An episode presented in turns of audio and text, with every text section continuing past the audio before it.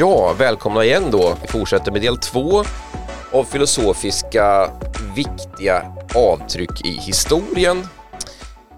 Eh, tidigare då så har vi pratat bland annat om eh, Mesopotamien, Sumer, Egypten, antikens Grekland, Aristoteles och sist nämnde vi då kristendomen och dess betydelse. Och ni vill ni veta mer om det så får du lyssna på förra avsnittet.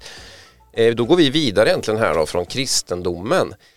Nästa grej som är antecknad här det är ju Karl den store. Todde, det här är väl någonting som du är intresserad av?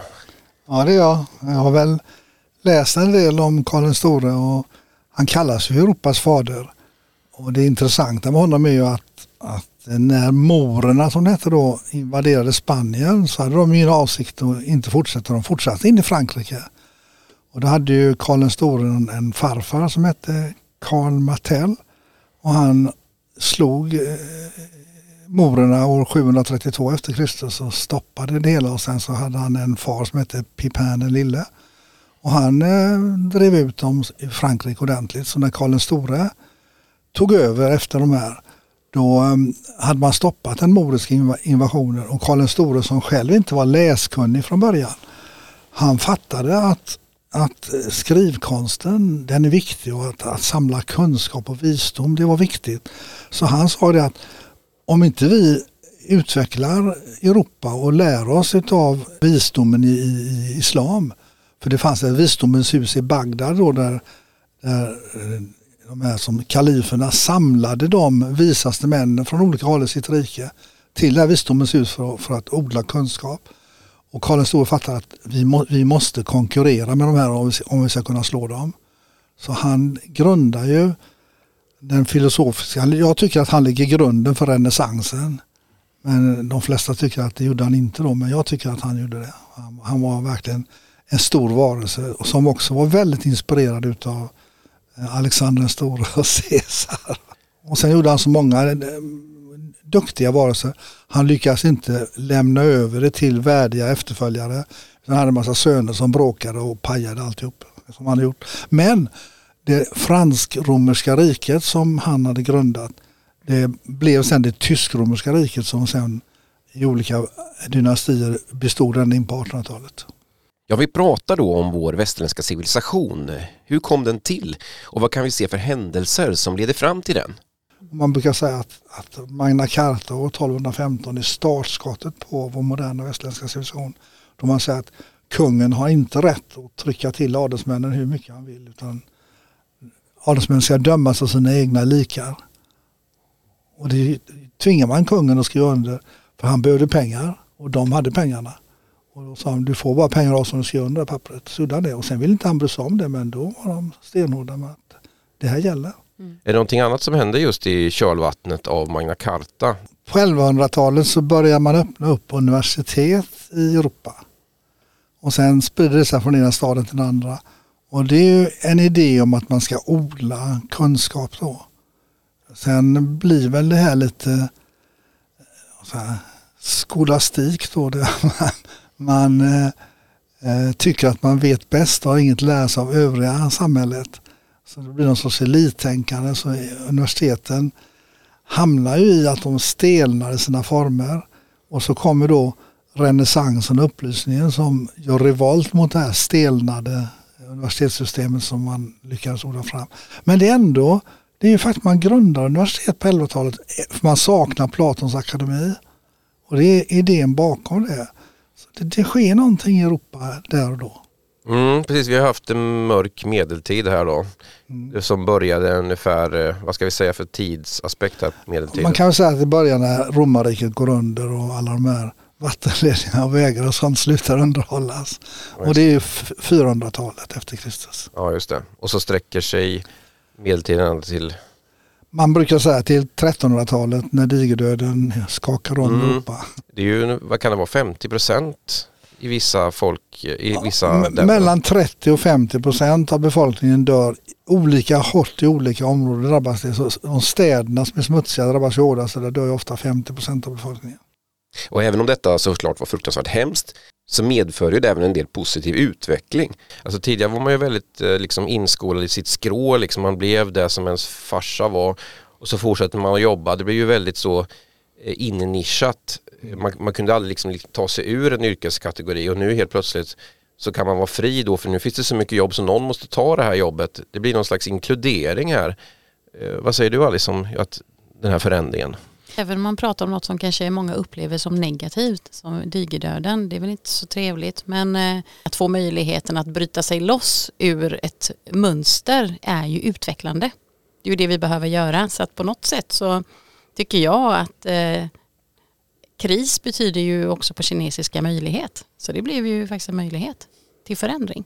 Och det är väl det vi ser med digerdöden, att hade den inte varit, vad hade hänt då? Så kan man extrapolera den utvecklingen och se att det hade ju inte det hade vi inte hamnat där vi är idag. Jag tror det som du är inne på med friheten är, eller den nya utvecklingen med skråna som slog sönder och man, bör, man fick skapa på nytt sätt. Det är värdefullt. Ja, det som framförallt är positivt är att de vanliga människorna får mer att säga till om. Mm. Precis, och här börjar vi gå upp i renässansen då. då.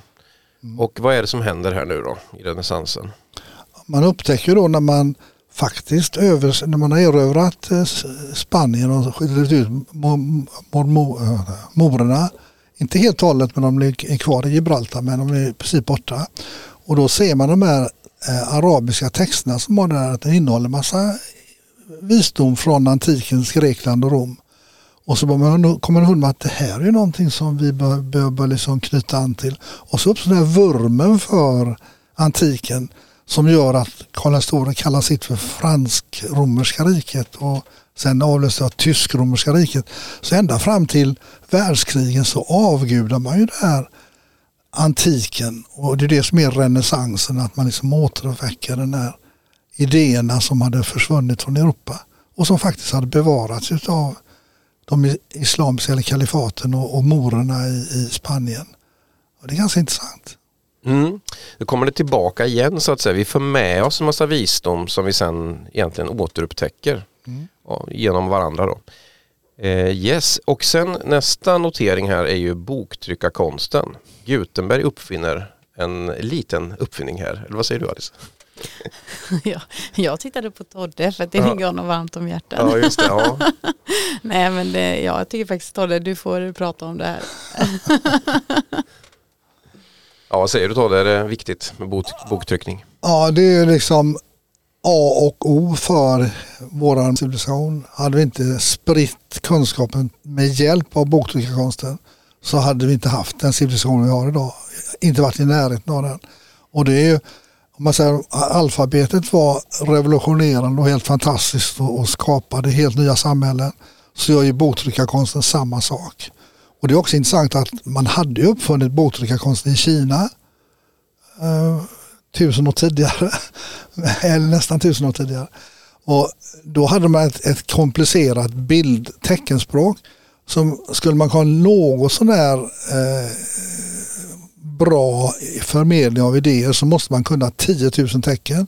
Och man fick alltså för varje bok man tryckte man skapa de här olika bilderna, eh, bildtecknen.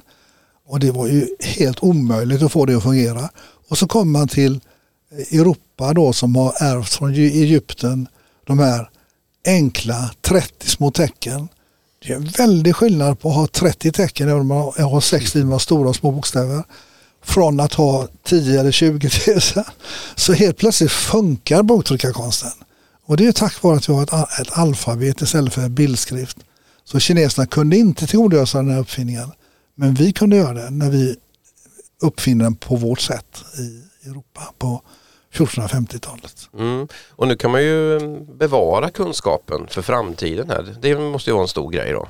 Och det är som Galileo sa, han sa att genom den största uppfinningen genom tiderna i alfabetet, att man över tid och rum kan överföra idéer och kunskap. Man behöver inte ens känna den personen, man inte ens har sett det levt i samma tid som en annan. Och det är det som renässansen handlar om, att man gräver fram alla de här gamla skrifterna med visdom som har tagit tusentals år i antiken att utveckla. Och så får man det som en, liksom nästan en gratismacka här som man kan bygga vidare på. Så ah, nej, det, det går inte att säga hur viktig eh, boktryckarkonsten den är. Den är A och O, den, är, den betyder allt för vår civilisation. Ja, plötsligt kan ju vem som helst läsa det här då, som har lärt sig att läsa. Det kanske också upp, upp, eh, det kanske medför egentligen att folk börjar studera och kan utbilda sig också. Man startar utbildningar nu när det finns böcker eller hur, vad är det som är hönan lägget här? Ja, det är också en grej som, som ofta glöms av i historien att de här sysslolösa borgarfruarna då för att på den tiden skulle ju frun vara hemma och ta hand om hemmet. Och när de här männen då som drev de här nya företagen som uppstod i industrialismen när de då, de här sysslolösa borgarfruarna tyckte att nej men jag kan ju lika gärna ägna min tid åt att ta hand om arbetarbarnen utbilda dem. Och det är så som, som skolväsendet sätter igång. Men det är väldigt sällan som de här kvinnorna som gjorde detta får kredit för detta i historieböckerna. Utan man säger att det är staten som, som drar igång skolväsendet. Men det var faktiskt sysslolösa borgerliga kvinnor som gjorde det. Sysslolösa kanske de inte var för de tog hand om barnen. ja men de här som, som var rikemans eller de hade gott om pengar, de hade hembiträden. Okej, okay, då är jag med. mm. Ja, men jag tänker då, tidigare har ju kanske då människor i den här civilisationen lyssnat på präster då som förkunnar Bibeln. Helt plötsligt kan man läsa själv och så står det att nej, men jag är ju värd lika mycket som jag om jag liksom är i lägre klass så är jag ändå värd lika mycket som de stora. Här, här måste ju ha hänt någonting i människors medvetande tänker jag. Och då får du den där protestantismen som uppstår när människor själva kan läsa Bibeln på sitt eget språk. Man översätter Bibeln från latin till det egna språket. Och då kan Martin Luther spika upp sina teser och Calvin kan starta sin skola i Schweiz. Och, och det, eh, så försökte några innan Luther att göra det här som hus i Tjeckoslovakien men honom brände de ju på bål då. Och du har även, vad heter han? Vad heter han nu? Bruno. Bruno ja. Han blev också bränd på bål. Då, då var de ju så välvilliga de här inkvisitionsdomarna att de skulle skona honom från att lida i, i helvetet. Så de såg till att bränna honom levande på bål i kärad skjorta. Och det var ju ren välvillighet för att han skulle slippa lida i, i skärseld. Ja. ja, vad fint. En välvillig inkvisation. Ja. Nej. Ja. Absolut, sen jag tittar lite längre fram. Eh, nu drar ju upplysningen verkligen igång här då i och med boktryckarkonsten. Mm. Eh, det är ju, här börjar ju vetenskapen att spira här. Eh, nya filosofer eh, förmodar jag eh, låter sig inspireras av den forna antikens filosofer. Och här har vi då eh, till exempel namn som eh, John Locke, Descartes, Montesquieu och får vi inte glömma Voltaire. Han är en av de riktigt stora upplysningsfilosoferna. Mm, vad lär vi oss här då? Vad lär sig människan med hjälp av de här filosoferna nu då? Ja, man, framförallt så lär man sig att de här heliga skrifterna det är inte all källa till visdom utan man kan faktiskt eh, ta arvet från Grekland och börja tänka själv. Och det är det som är den stora grejen med upplysning att man, man avlägsnas från eh, kyrkans dogmer och börjar tänka själv. Mm, här konkurrerar man alltså med kristendomen. Då jag, jag finns, eh, jag tänker alltså finns jag. Det var Descartes som sa det. Vad säger du Peter om de grekiska gamla filosofernas tankegångar som kommer fram igen här nu då hos de nya filosoferna? Det som du pratar om nu det är ju bara centrerat här. Det tycker jag är, bara notera att vad, vad konstigt eller ja, det är fullt logiskt för det är här man har ärvt antikens eh, visdomar och eh, återta det då. Och det har man inte gjort på andra platser, man har inte fått till sig det. Så det, det är ett konstaterande jag gör att eh, nästan allting sker här i våran västvärld. Då. Nej men jag tänker också att det handlar ju om att vad man väljer att ta vara på. Och man väljer ju att ta vara på det som du nämnde Todde här att eh, på något sätt så pausade vi lite vår utveckling eh, och eh, tog till, för att vi var lite sura på romarriket och så vidare så valde vi ju helt sluta att använda det som, hade, som man hade då kommit fram till och tagit fram och, och ska, skapat för vår civilisation. Vilket gjorde att det dog ju ett tag, eller hur? Det var helt dött och det är rätt mm. intressant att se vad som också att det blev, det dogs ju lite över hela världen och så helt plötsligt var det några då som var villiga att börja utveckla det vidare. Jag vet inte, jag, menar, jag har ingen aning varför det är just i Europa. Mer än att det var tillräckligt många samtidigt som stöttade varandra. Och där vi hade också utvecklat möjligheten att tycka och tänka och få lov att bli inkluderade. Även då, för vi nämnde ju Bruno här bland annat. Det är så många, det som jag har suttit och funderat på nu under vår dialog här också. Det är att, tänk hur många det är som har fått dö i namnet för, alltså för demokratin. Mm. Som vi glömmer av på vägen. Det finns ju jättemånga personer som vi inte ens har nämnt idag för det, det, det, har vi inte tid med att göra. Mm. Som faktiskt har eh, har valt att sätta sitt liv helt enkelt för demokratins skull och för det fria tänkandet och för utbildningens skull och så vidare. Så att, eh, ja. Ja, vi, vi, har ju kommit väldigt långt här. Och just, jag kan se det, vi pratade om här tidigare i Greklands, eller antikens Grekland, att rätt vad det är från ingenstans kommer det massa personer här som ska vara filosofer.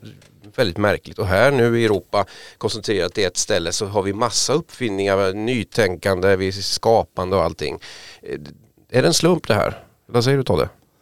Jag tillhör inte de som tror på slumpen. Möjligtvis ska kunna avguda slumpen för den har uppfunnit så mycket.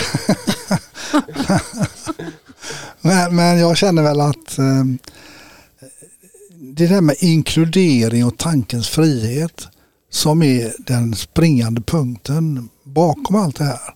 Och när man då ger människor som föds kanske under inte speciellt eh, gynnsamma förhållanden möjlighet att via sin förmåga ta sig fram i samhället genom den här inkluderingen och ge möjligheter åt fler.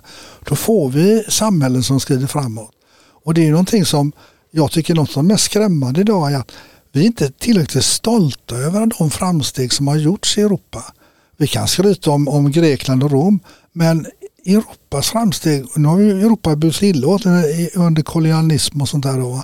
Men vi har spridit civilisation och det måste vi lära oss att bli stolta över. Vad skulle vi ha kommit om ingen av den vita mannens uppfinningar hade fått vara med? Vi hamnar tillbaka, inte kanske i stenåldern men väl i järnåldern.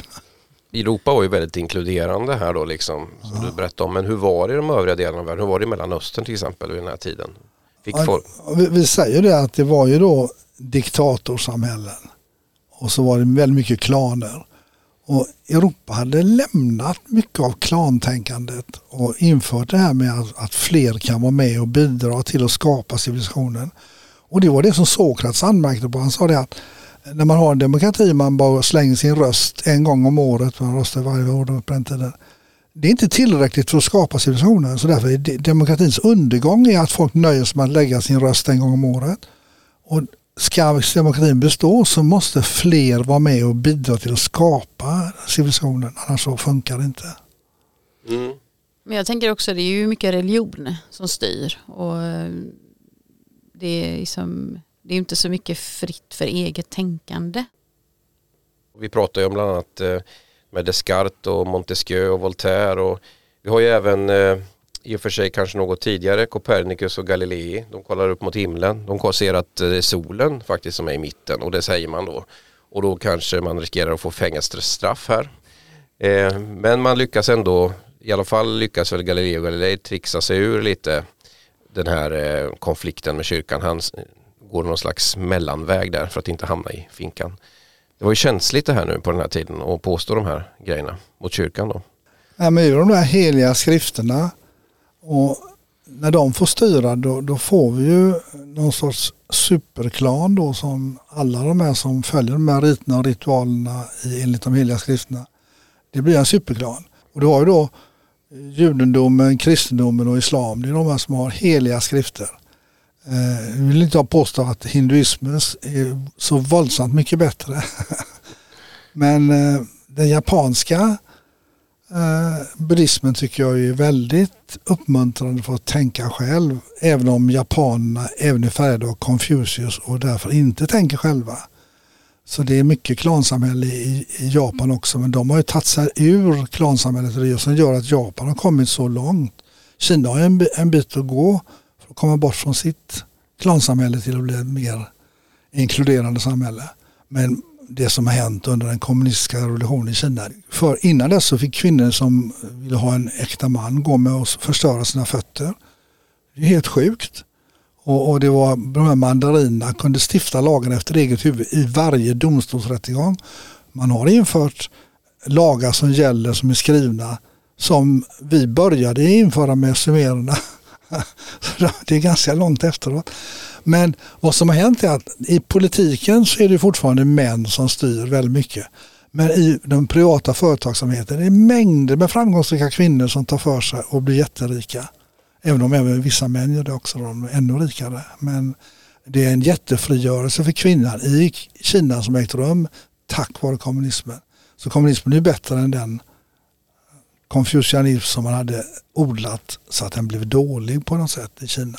Sen så är det väldigt lätt för västlandet att komma dit och starta industrier för det var ett folk som är relativt fogligt och gör som de blir tillsagda.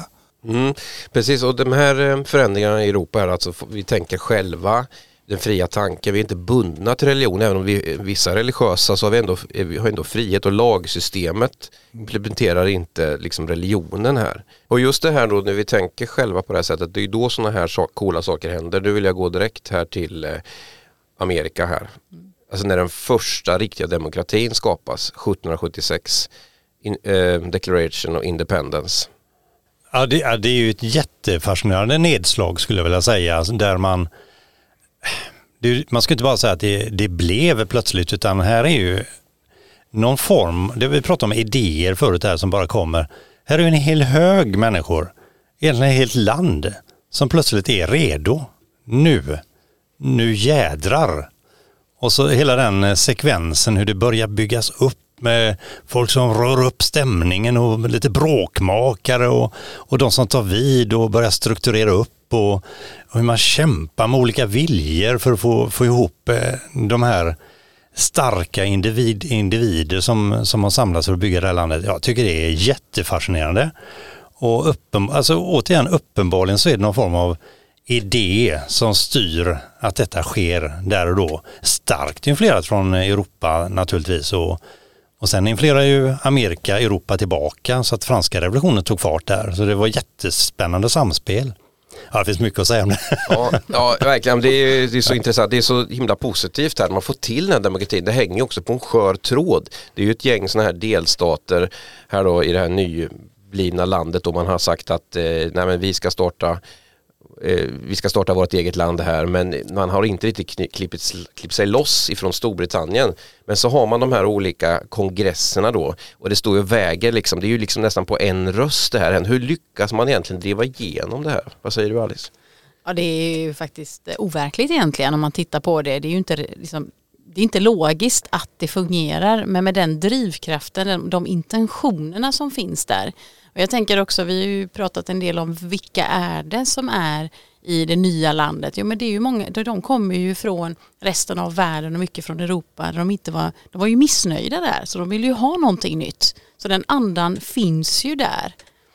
Så, men det, det är faktiskt helt otroligt att det är möjligt. med de, de som är och driver på, de driver ju verkligen på. Mm. Det, och det är, ibland så sker det omöjliga bara för att man har en sån intention. Ja. Tänker jag i alla fall. Ja det är fantastiskt när man skapar då den här demokratin här. Visserligen så får ju indianerna betala pris men eh, det är ändå som sagt var den första riktiga eh, demokratin. Vad säger du Todde?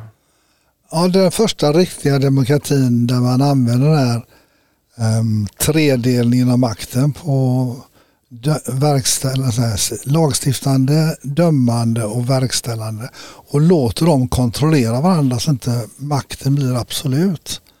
Och det är den, den fantastiska uppfinningen som John Locke framförallt ligger bakom och även Montesquieu. Då. Och sen så måste jag ju säga att um, amerikanska grundlagsfäderna känner vi till då kanske, Franklin och Jefferson och allt vad de hette. Men Thomas Paine tycker jag ju att han är lite grann bortglömd i historien, hans betydelse. För det är ju han som ger amerikanska folket ett mål att kämpa för, där liksom fri, bär frihetens fana mer än någon annan. Sen är han ju en, en social katastrof. Han, eh, Benjamin Franklin upptäcker honom i, i England när han är där och säger att den här killen måste vi ha med så han lyckas förföra honom att följa med till USA. Och så skriver den här boken Common Sense där han i princip skriver den, Declaration of Independence, oavhängighetsförklaringen som Thomas Jefferson har fått äran för. Men läser du Thomas Paine så får du se att Jefferson har bara skrivit av stora avsnittet av honom. Nästan hela deklarationen är Thomas Paines ord. Och sen när man gör konstitutionen eh, 1980 Eh, 1783 så är det återigen massor med grejer som är Thomas Paine avskrivet från hans bok rätt av och då får Madison äran för det. Så Amerika skäms ju lite grann för den här eh, lite halvsupne, eh, försupne eh, rebellen som gör sig ovän med allt och alla. Så man tar inte med honom som grundlagsfader. Men han är ju faktiskt den kanske viktigaste av dem allihop. Men han var inte omtyckt och han gjorde sig inte omtyckt. Han gjorde sig avskydd. Ja, vi, vi tar och lyssnar på ett klipp här eh, från Declaration of Independence. In Congress, July 4th, 1776. When in the course of human events it becomes necessary for one people to dissolve the political bands which have connected them with another, and to assume among the powers of the earth the separate and equal station to which the laws of nature and of nature's God entitle them, a decent respect to the opinions of mankind requires that they should declare the causes which impel them to the separation.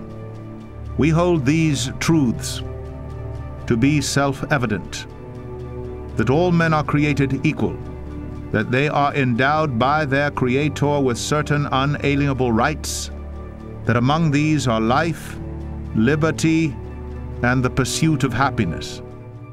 Vad säger du Alice? Ja, och jag har ju varit också i Philadelphia och jag kommer ihåg när jag stod där vid Liberty Bell och jag började bara gråta. För det är så vackert och det, det betyder så mycket. Jag tror att det, tyvärr så är det inte många som, som förstår hur mycket det betyder för oss att det vi har idag är mycket tack vare bland annat det som gjordes i amerikanska revolutionen. Mm. Som sen då fortplantar sig till Europa och vi får franska revolutionen. Mm. Vad säger du där Peter? Ja, men jag tänker, eh, om man bara spinner vidare lite på det amerikanska. Jag kan inte låta bli att vara lite lätt kritisk bland till vad jag har fått lära mig i skolan. Vi hade fokus på att det var en fantastisk eh, händelse att amerikanska revolutionen, eller amerikanska, eh, att man skapar den här demokratin därifrån. Men det var stackars indianerna som fick lida. Och det var liksom det som man i min värld fokuserade väldigt mycket på när jag var barn. Och det är klart att det är hemskt. Det är ju jättefasansfullt att, eh, att ett folk får lida så mycket. Men då måste man återigen vara lite nykter och se på helheten och se vart ledde detta? Och varför fick inte man lära sig mycket, mycket mer om den amerikanska utvecklingen här och vad, vad dessa grundlagsfäder gjorde? Det, det kan jag känna att det är jag nog inte ensam om heller, att man inte har fått så mycket kunskap om det. Och jag tycker det är, liksom, det är lite konstigt men det är också lite typiskt att vi ska då inte hylla det som varit bra. Men hade vi inte haft dessa föregångare, vad 17 hade vi haft nu då? Vi hade levt liksom i 1700-tals, 1800-tals liv. Alltså få det perspektivet, det tror jag är, det har folk nytta av att ha. Så man blir lite ödmjuk till eh, vad vi har bakom oss då. Och som sagt, eh, när de gjorde sin revolution i i eh, USA då, eller Amerika och fransmännen sedan också kände, men gud, vi ska också vara fria, vi ska revoltera och så gjorde man det. Men inte riktigt med samma struktur, inte riktigt samma grundintention kanske. Där vill man mer, det ska vara rättvist, det är orättvist där, det ska bli rättvist. Och så kom man liksom inte mycket längre, men man gjorde i alla fall sin revolution där också. En liten del av eh, det amerikanska. Jag, vet, jag upplever lite, och jag kanske har helt fel, men jag upplever att det finns lite mer hat i det franska. Att det är liksom mer det här att man vill trycka ner och, eh, och bara för sakens skull, att det är orättvist, orättvist, att det är liksom ut, ut offerperspektiv medan jag upplever den amerikanska revolutionen, den är mer eh, det är en helt annan anda. Mm. Man vill skapa någonting nytt. Man vill inte bara förgöra någonting. Mm. Man vill skapa någonting och det tycker jag är en jättestor skillnad. Håller med. Ja, jag lärde mig också i skolan att, att franska revolutionen var stormningen av Bastiljen 1789. Och sen så kommer Napoleon då 1795. Och, men nu var det något program om franska revolutionen i, på SVT Play som var jättebra.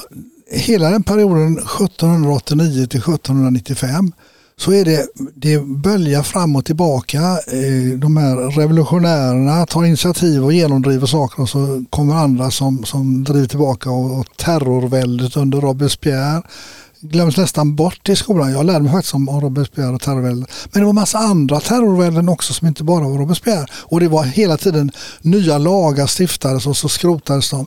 Men det var en kamp där som alltså var i sex år som är franska revolutionen. Och sen så kommer då Napoleon som stadgar upp det hela och, och, och får landet att fungera. Och när han då får det genom att inkludera fler människor när han blir röstad till eh, diktator och kejsare så är det en högre procent män då än någon annanstans i historien som röstar fram honom. Historien skriver av segrarna, engelsmännen vill ju inte ha hans idéer in i sitt samhälle så de vill ju skriva ner honom. Men då måste jag säga, Herman Lindqvist har skrivit en jättebra bok som handlar om Napoleon. Och den har han till och med fått erkännande från andra historiker att den är väldigt välskriven. Och för mig var det en ögonöppnare att läsa den boken och se vilken fantastisk varelse Napoleon var. Och han ensam genomför i princip reformer i hela Europa med sin Code Napoleon, alltså lagen där. Som de amerikanska grundlagsfäderna var flera stycken som gjorde. Och det blev stabilare där. Men det är ändå Napoleon som genomför detta och han är en fantastisk naturbegåvning. Han är dels en duktig militär och sen när han får politisk makt så genomför han politiska reformer som är helt fantastiska. Så han är ju, han är ju, han är ju egentligen det positiva med, med franska revolutionen. Det är ju Napoleon och hans verk. Mm. Och jag ska inte kasta ut barnet med badvattnet. Sen gick han och för sig iväg och skulle bli kejsare och det var krig, han vilket han blev sen också, så var det ju krig mot Ryssland och de här ja. tokigheterna som man som tillhör lite den tiden. Man skulle ju också erövra och ta länder. Mm. Eh, men, men just det här fina som man gör då det här med att han inkluderar eh, alltså vanligt folk då, alltså det med förmå förmågor är intressant det här. Man, man, kan liksom komma ganska långt. Man behöver inte vara adelsman. Så att säga. För det var en, han var väl själv i och för sig adelsman men kanske inte av hög, han, högsta han var, sort. Han var från Korsika. Mm. Mm. Ja, han hade väl ett italienskt namn tror jag så han fick ju ändra på det till ja, så att det, det, blev en fransk. Eh, men jag tänker också vad, vad, som slår mig nu, nu gillar jag ju Napoleon också. Eh, Konstigt. Som hade Caesar och, Napo och Alexander Store som Precis, jag har insett det nu att oj då. men vad vill jag säga med det här nu då? Jo, men jag tänker att det som hände i Amerika och jag tänker att de det, det, den energin och allt det positiva, att han tog tillfället i akt och spann vidare på det. Att det faktiskt han såg möjligheterna för det började ju luckras upp. Då kunde ju folk också börja ta in. Så tänker jag nu när du pratar om det. Mm. Men sen också då vill jag ju säga att makt korrumperar då. Det slutar ju inte så bra för honom. Men man får ju titta på allt bra han gjorde. Så var det klockrent. Sen så kunde det ha slutat bättre, givetvis. Och sen går jag in till historien som någon som är krigshetsare då. Men det är faktiskt så att England skapade fem olika konstellationer som attackerade Frankrike. Mm. Så att det är inte Napoleon som startar de här krigen. Det han startar mot Ryssland och då pajar hela allt han gör. Så att det, det, det är hans, hans största misstag och det är högmod. Absolut. Det... Mm. Napoleon, har du något att tillföra om Napoleon Peter? Eller? Nej. Nej, jag tänkte vi har ju lite begränsat med tid här eh, så vi går vidare. Nästa grej då och då hamnar vi i den industriella revolutionen här. En serie uppfinnare kan man ju tänka sig då som skapar alla de här eh, maskinerna, någon slags löpande band liknande grej där man har ångmaskinen och det är de här olika vävstolarna, här textilindustrin växer ju fram här. Eh, handeln blomstrar, ekonomin börjar få fart här. Ja, det, är, ju återigen en sån där Eh, en revolution som skakar om samhällena och det är ju i England som det tar fart. Och då visar det sig att då är det mängder av engelsmän som kommer med uppfinningar på löpande band. Det sker väl någon uppfinning i Frankrike och Tyskland också men engelsmännen går ju i bräschen och, och, och liksom, nästan alla uppfinningar sker där. Och då är det man kan se hur idéerna kan landa där. För att det har, det har skett någonting, någon förändring av samhällets struktur som gör att idéerna kan landa. Så vissa individer som är emot kan ta emot de här idéerna, kan sprida dem och få det hela att fungera. Och det är helt otroligt detta, detta enorma ekonomiska framsteg som görs i England då, speciellt på 1800-talet då. Det gör att de blir totalt världsledande. De kan skapa världens största imperium. Därför de har överlägsna vapen, de har eh, soldater som är stolta över sitt land och som, som mycket effektivare än de soldater de möter på andra sidan därför de har bättre utrustning och bättre filosofi. Och då sprider man faktiskt civilisation. Och det är många som tycker att engelsmännen har bar, bar sig väldigt illa åt hela tiden när de med hjälp av sin industriella evolution kunde underkasta stora delar av världen. Men glöm inte att de här samhällen de kom till var klansamhällen som styrdes av diktatorer och var väldigt omåna om sitt, sin befolkning. Okej, det gjordes många misstag. Det gjorde misstag när man kom till USA. Man skulle inte ha dödat 90 procent av sina sjukdomar. Det visste man inte ens om att det var därför de dog. För man visste inte vad bakterier var på den tiden. Men när de kom till de här andra länderna så sker samma sak igen. Man begår en misstag. Men det kommer massor med bra grejer till de här länderna. De får en chans att börja inkludera sin befolkning. Och vissa befolkningar tar den här chansen och får sina länder att, att höjas på civilisationsskalan. De flesta klarar kanske inte av det, men många gör det. Mm. Alltså hjulen börjar ju snurra här, det produceras som aldrig förr. Få blir ju väldigt rika och det blir det här liksom, de här rika direktörerna men den stora massan får ju faktiskt en kvalitetsförbättring. Det är folk som glömmer det lite grann också här. Att eh, alla får det ju faktiskt bättre om man jämför med fattigdomen på landsbygden. Nu kan man komma in till stan och faktiskt eh, tjäna lite grann. Och, och det är mycket som växer upp i den här eh, eran. Mm. Jag tänker också på, nu bara jag hoppa in här, men entreprenörsandan den, den började ju blomstra nu. Sen eh, har det ju gått, alltså, det är så lätt att titta på företagsamhet som kapitalism. Men man glömmer av att det är otroligt mycket entreprenörer och att det startar i entreprenörskap och sen får man ju se vart det leder då. Det tycker jag börjar ju blomstra. Mm, alltså sådana tankar och idéer som, som kanske startade, som vi i alla fall ser för första gången i antikens den att tänka själv. Nu har det liksom genererat eh, både massa uppfinningar och alltså inkludering och det fria samhället där du kan skapa just den här typen av personer, eller de personerna kommer fram då i alla fall de här eh, entreprenörerna. Jag tänker att allting är ett avhäng av det andra egentligen här. Man står lite på giganters axlar här som Isaac Newton sa då. Här är det väl också så, eh, om jag tror rätt då, att eh, fler och fler kvinnor kliver fram och faktiskt står bakom en hel del uppfinningar och alltså även om de fortfarande inte lyfts fram i historien så har det ju varit kvinnor som ligger bakom jättemycket av eh, de bitarna som krävs inom, inom den industriella utvecklingen här. Man kan bara ta Marie Curie som faktiskt har fått två Nobelpris. Hon höll sig tillbaka och ändå fick hon två Nobelpris. Mm. Ja, det, det, säger någonting. Så det är en spännande tid också tycker jag i, som visar på att mänskligheten har utvecklats eh, långt i alla fall i den här delen av världen får vi säga igen då. Ja, precis.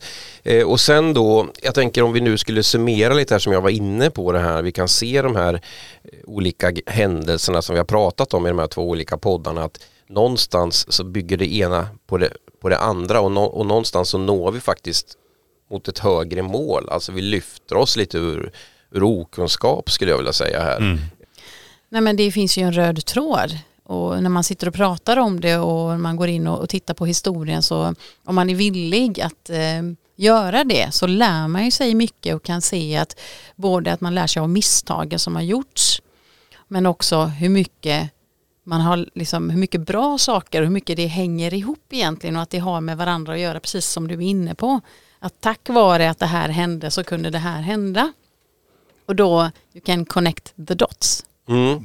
Vad säger du Peter? Ja, jag tänker på det här att om man ser hela svepet nu från eh, första delen och andra delen här. Det har ju varit väldigt många människor som har uttryckt saker och ting, som har tänkt och gjort och spridit saker och ting utan rädsla för eh, repressalier. Utan man har verkligen kört på och alltså, det är ju ett mönster att det är farligt att säga och tycka vad man vill eller det som är nytt eller det som utvecklar. Men de som ändå vågat göra det har ju stått bakom hela den utvecklingen som alla de här dots som har eh, ja, inneburit nuet för oss då. Det gör ju liksom att när vi ser på den här utvecklingen, vi måste ju vara som talet så stolta över att vi har skapat det här. Det farliga tänker jag är om vi börjar liksom nedmontera den här västerländska civilisationen som många har offrat sina liv för att vi ska få. Mm. Alltså jag menar ta i USA. Då. Liksom, det var ju eh, ett krig som pågick i många år där mot Storbritannien som var en supermakt. Det är liksom eh, David mot Goliat här. Man har verkligen eh, på ett väldigt heroiskt sätt stått upp för den här nya civilisationen som sen har burit frukt och spridit sig runt om till oss. Vad händer om vi liksom börjar att ändra på våran demokrati och liksom gå mera bakåt här. Det skulle kunna vara sådana här anpassningar som vi gör då. Det finns en fara i det tänker jag om vi börjar liksom eh, nedmontera eh, våra västerländska värderingar ska jag säga. Ja, jag tycker det är dåligt. Ja, Men jag, Ja. jag tänker också att varför, jag menar om man tittar då på det som vi har lärt oss nu, vad är det som gör att, vi inte, att det inte finns mer att hämta? Vad är det som gör att vi tänker idag att demokrati är det, det största som kan hända? Det är ju bara på vägen, det är ju bara backa tillbaka och se så var det ju inte från början. Varför, varför begränsar vi oss? Varför tar vi inte nästa steg? För jag är väldigt nyfiken på vad kommer efter demokrati? Vart ska vi vidare till? Jag upplever att vi backar tillbaka istället för att kliva framåt och skapa något nytt. Mm. För, för vad skulle man kunna göra? Vi kan ju se det finns ju vissa brister här i, i demokratin. Det blir ju liksom att man kan gå och rösta ungefär så räcker det. Det saknas ju kanske en bit av engagemang och lägga ner lite arbete också. Det är ju vi tillsammans som bygger landet. Det är ju liksom att bara lägga en röst kan jag tycka är lite för lite om man nu vill utveckla ett land. Churchill han sa det att um, demokratin är ett ganska dåligt system. Men tittar man på övriga system som, som finns på planeten så är det minst dåliga. och Sokrates var inne på en, en meritokratisamhälle. Man hade ju inget recept för att välja ut ledarna. Och så skojar han då så att man får lotta och så man fuskar med lotteri. Så att det upplevs som demokrati eller vadå? Ja, vi börjar närma oss slutet där. Eh, Visserligen hade vi också två världskrig sen. Det har ju medfört det här då, världskrigen, att vi har haft fred väldigt länge. Det är väl sex, vad är det, 70 år nu eller någonting eller? Det är över I- 70 år ja, från, från andra världskrigets slut. Så det är väl 75. I Europa alltså. I, i Ja. Västeuropa framförallt. Mm. Och det finns inte i hela historien en sån period med fred för så många länder i Europa.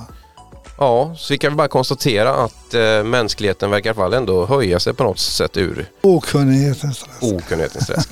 Ja, jag tackar er alla för att ni kom idag och var med i den här podden. Tack för att ni har lyssnat. Vi ses i nästa podd.